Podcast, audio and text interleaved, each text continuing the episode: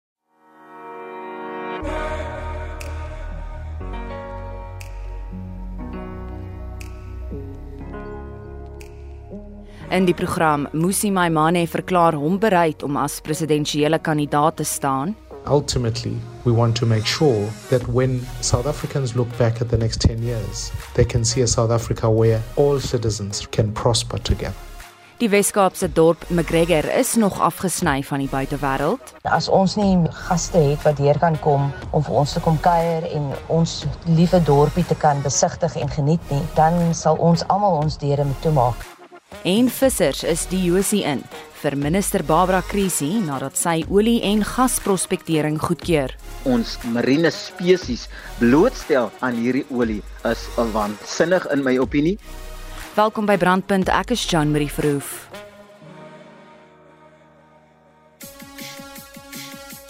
Die leier van Build One South Africa, Musi Maimane, gaan as presidentskandidaat staan in volgende jaar se nasionale verkiesing.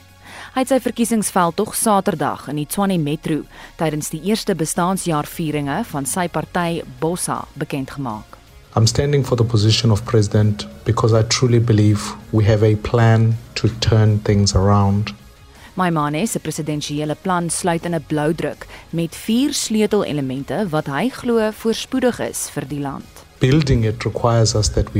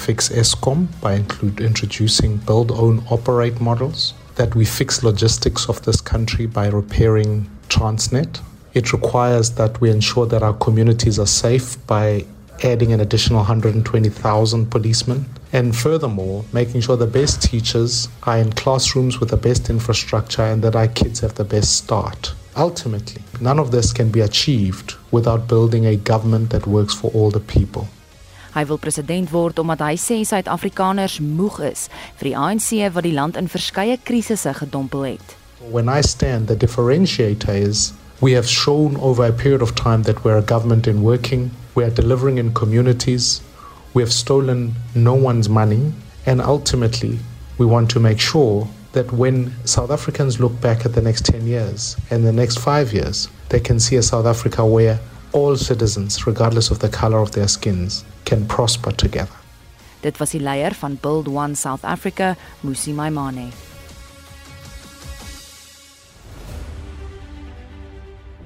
nadat dit vir byna 'n week van die buitewêreld afgesny is, is McGregor in die Wes-Kaap stadig maar seker besig om te herbou.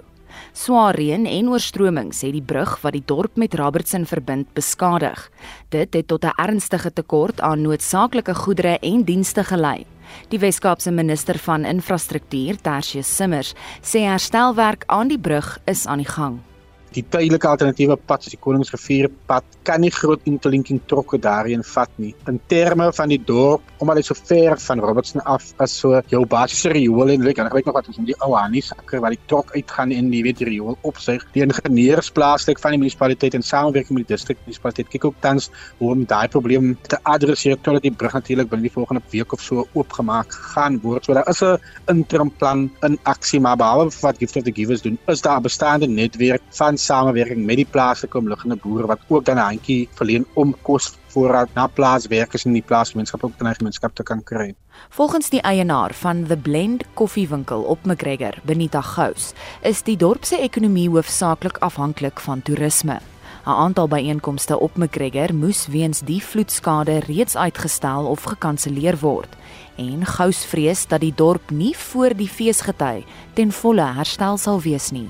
McGregor is nie 'n industrie dorp nie. Ons is 100% afhanklik van toeriste wat na ons dorp toe kom. Ons het 13 restaurante, coffee shops in die dorp En as ons nie mense het, gaste het wat deur kan kom om vir ons te kom kuier en ons liewe dorpie te kan besigtig en geniet nie, dan sal ons almal ons deure moet toemaak. Skoolvakansies wat opkom met geen toeriste nie, hang soos 'n donker wolk voor ons. Vra asseblief as jy kan help, reik uit. Ons het al die hulp nodig wat ons kan kry op die stadium. 'n inwoner van McGregor, Pieter Black, sê die gemeenskap trek intussen saam om ook hulle deel te doen. Ons is tans 'n uh, krisis met die uitpomp van riool en daar is sprake van dat dit eers herstel sal kan word teen die einde van Oktober wat 'n groot kommernis is. Ons weet dat skeepstofverkiewers het ingetree en um, daar is boere wat wel 'n uh, ompad kan bekom na Robertson toe om noodmedikasie vir die inwoners te kan verskaf. Die vervoer is maar beperk. Daar is uh, sekere werknemers wat die waagmoed het om by die brug af te klim wat omtrent so 5 meter is met 'n leer wat een van die boere verskaf het. So dit is maar 'n bekommernis van ons, maar ek moet sê die mense hou maar moed en staan saam en ons hoop dat ons hierdie pad so gou as moontlik weer kan herstel sodat ons weer normaal kan verkeer. So meen 'n inwoner van McGregor, Pieter Black. Brandpunt. Van vandag af kos 93 oktaan petrol R1.08 'n liter meer en 95 oktaan R1.14 meer.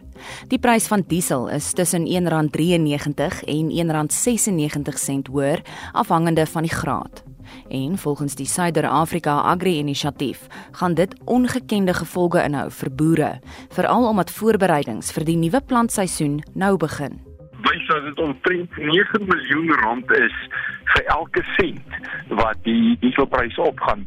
So 'n verhoging van omtrent R2 per liter beteken dat daar omtrent 1,8 miljard rand weg is uit die oorhoofse wins in die primêre produksiesektor in landbou.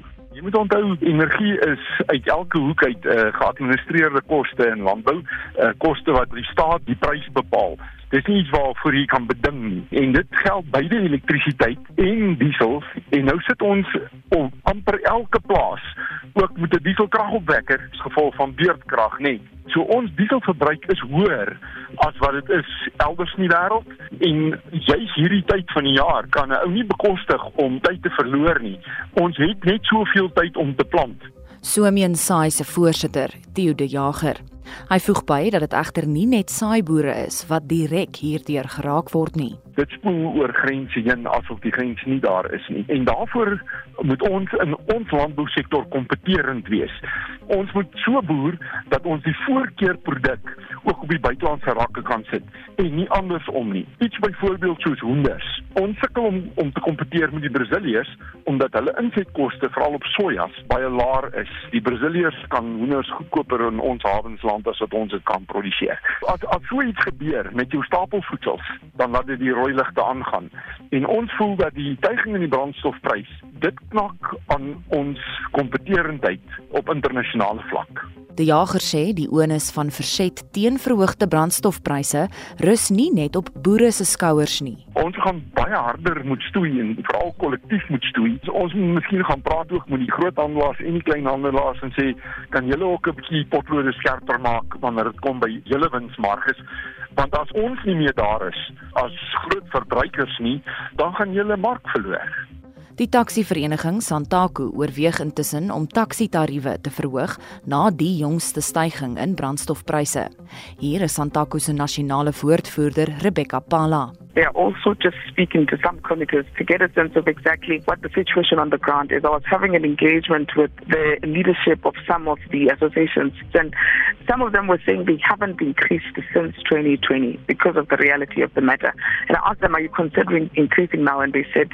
Probably not. Because the reality is that it could mean them losing business. Rebecca Pala, die nasionale woordvoerder vir die taxi-vereniging Santaku. RSG Brandpunt.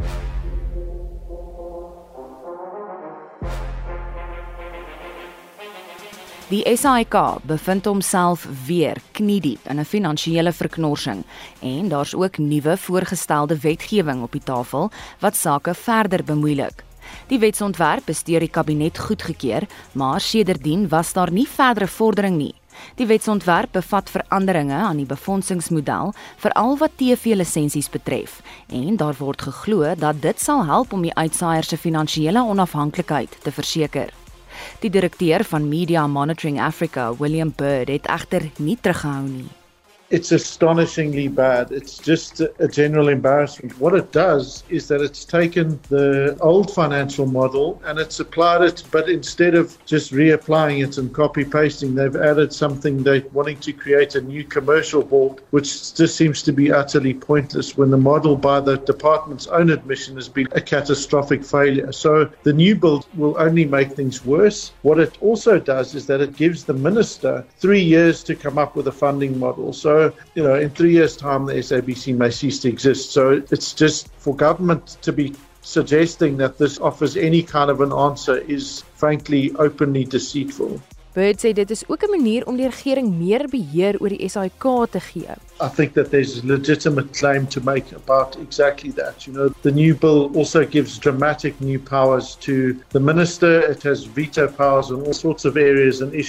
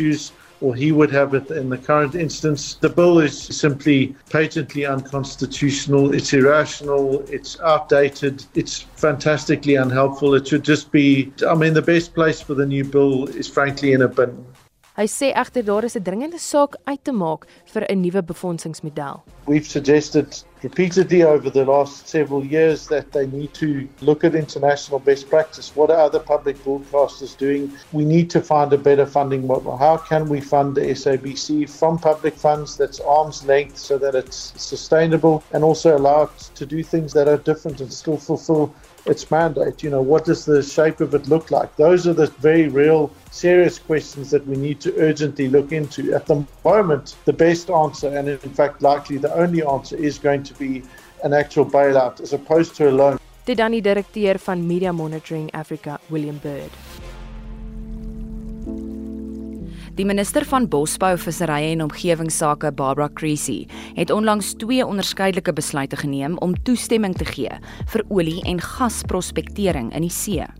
Estie de Klerk het met The Green Connection se Neville van Rooi gepraat en berig dat Creasy se besluit omgewings- en oseaanaktiviste groepe warm onder die kraag het.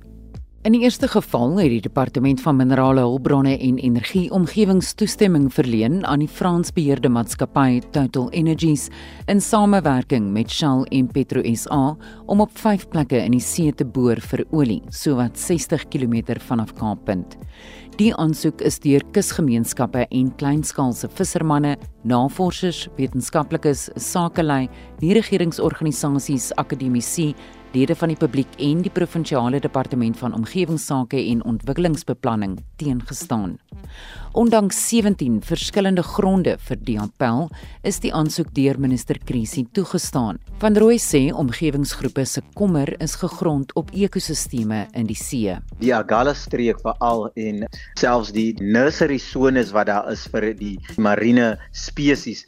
is baie baie kommerwekkend in hierdie area vir ons. En nie net dit nie as ons praat van olie en water meng definitief nie. Ons weet nie hoe hulle tot daai punt gekom het dat olie en water wel meng nie. En ons marine spesies blootstel aan hierdie olie is waansinnig in my opinie en ons omgewing is ook verbind aan ons voedselsekuriteit wat meeste van ons kleinskaalse vissers afhanklik is in hierdie Agulhas gebied en oral rondom die kus vir daai doeleindes. Minister Krisi het ook 'n tweede appel van die departement van die hand gewys vir 'n seismiese opname aan die Weskus. 'n Geowetenskaplike datamaatskappy van die Verenigde Koninkryk, Searcher, wat voorheen deur die hof verhoed is om 'n seismiese ondersoek aan die Weskus te doen, het na 'n tweede aansoek wel goedkeuring van die Departement van Minerale Hulpbronne en Energie verkry, hoewel daar sprake is dat die maatskappy nie 'n goedgekeurde lisensie het om die nodige ondersoek uit te voer nie. Die omstredenheid om seismiese opnames is dat dit die uitstraal van klankpulse in die water behels om olie- en gasreserve te karteer. Omgewingsgroepe het betoog dat die klankpulse 'n negatiewe impak op die seelewe kan hê en het ook kommer uitgespreek oor die langtermyninimpak van die verbranding van olie en gas op aardverwarming. Ons gaan ons regspan nader vir meer inligting en sien hoe ons dit weer eens kan teestaan. Dit was die gemeenskapsontwikkelingskoördineerder van Green Connection, Neville van Rooi. Ek is Estie de Klerk vir SAK nuus. Thank you. En daarmee roep ons halt. Die brandpuntspan vandag was Annelien Moses, Daitrin Godfrey en my naam is Jean Marie Verhoef.